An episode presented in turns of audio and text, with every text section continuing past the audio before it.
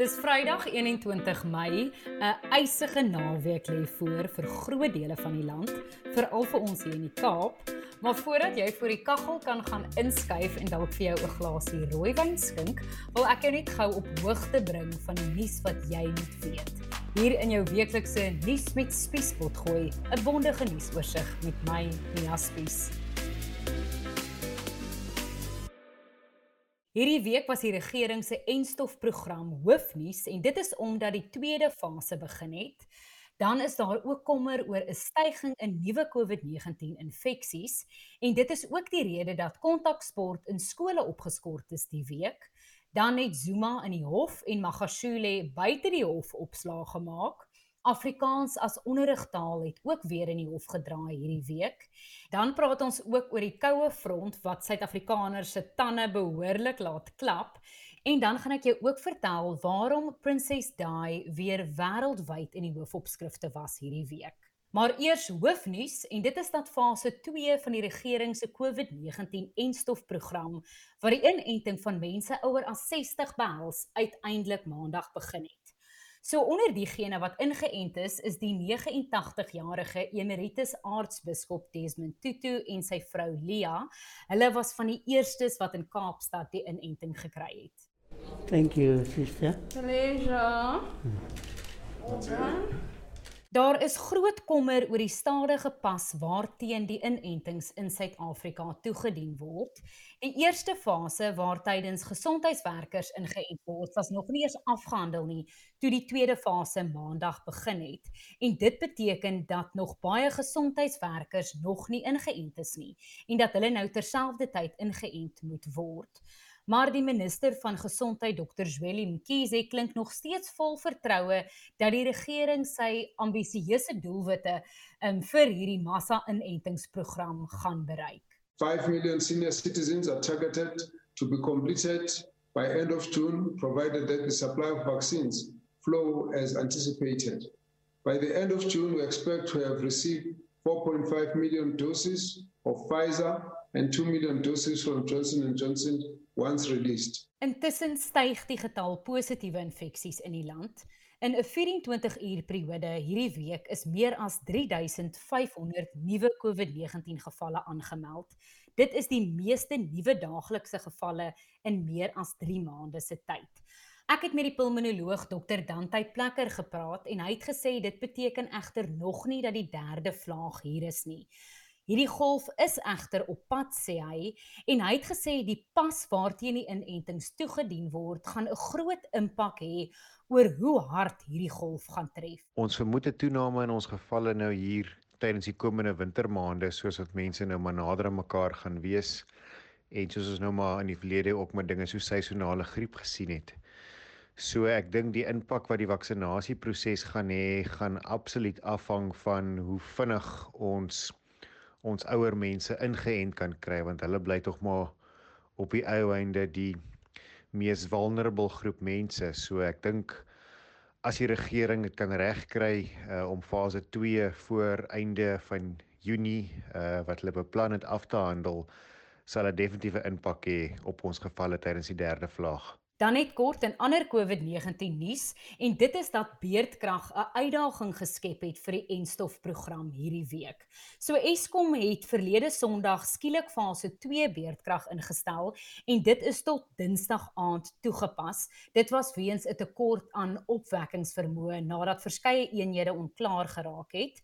Mkhize het gesê daar is voorsorgmaatreëls getref dat dit nie die verberging van die enstowwe sal beïnvloed nie, maar dit het 'n groot impak gehad op die registrasies omdat daar van 'n elektroniese registrasiestelsel gebruik gemaak word. En in sommige gevalle moes dit nou met die hand gedoen word. Dan in ander nuus is alle kontaksport by skole weens die stygende COVID-19 infeksies opgeskort. Dit is Woensdag deur die Raad van Onderwysministers aangekondig en dit beteken basies dat wintersporte soos rugby, netbal en hokkie nie sal kan plaasvind nie. Nie kontaksport soos tennis kan nog steeds voortgaan maar op baie streng voorwaardes soos byvoorbeeld dat daar geen direkte kontak tussen die deelnemers mag wees tydens die oefening nie. Nou na die howe, oud-president Jacob Zuma en die Franse wapenvervaardiger Thales het Maandag in die Hooggeregshof in Pietermaritzburg in die korrupsiesaak teen hulle verskyn. Zuma staar natuurlik 16 aanklagte van bedrog, korrupsie en geldwasery in die gesig wat verband hou met die destydse Thales wapenskandaal. Die saak is maandag tot 26 Mei uitgestel. So Zuma het buite die hof vir sy ondersteuners gesê hy gaan nie gaan lê nie. Hy het ook gedreig om diep geheime van die ANC te verklap en dan het hy ook natuurlik soos gewoonlik struggle liedere gesing vir die skare. Umşenevam, Umşenevam, Umşenevam, Umşenevam, Umşenevam, mi we baba. Die geskorste ANC sekretaris-generaal, Ys Magashule, het ook van hierdie geleentheid gebruik gemaak om buite die hof sy sê te sê en hy het weer herhaal dat hy nooit die ANC sal verlaat nie en in die ANC sal sterf. Nobody, nobody under a democracy will ban me. Nobody will ex- Nobody will remove the ANC from me. Nobody. I will not form any party. I will die in the ANC. Magashule het natuurlik verlede week hofstukke op Letuli huis bedien waarin hy gesê het dat hy sy skorsing op 'n semi-dringende basis beveg. Ons bly in die howe. Uitspraak is in die konstitusionele hof voorbehou in die saak oor Unisa se nuwe taalbeleid. So volgens hierdie taalbeleid word Afrikaans as onderrigtaal uitgesluit. So die hof het donderdag Unisa se appelsaak aangehoor teen 'n uitspraak deur die appelhof wat verlede jaar in die guns van AfriForum beslis het dat hierdie nuwe taalbeleid ongrondwetlik en onregmatig is. Unisa het die konstitusionele hof genader vir verlof tot appel.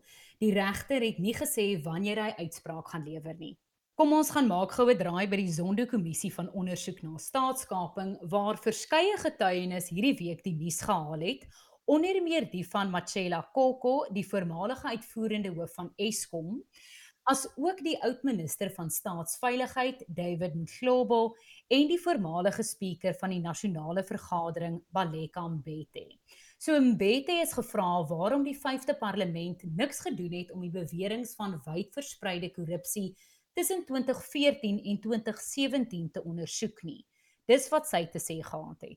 When you say they did not respond, they did not go and do oversight.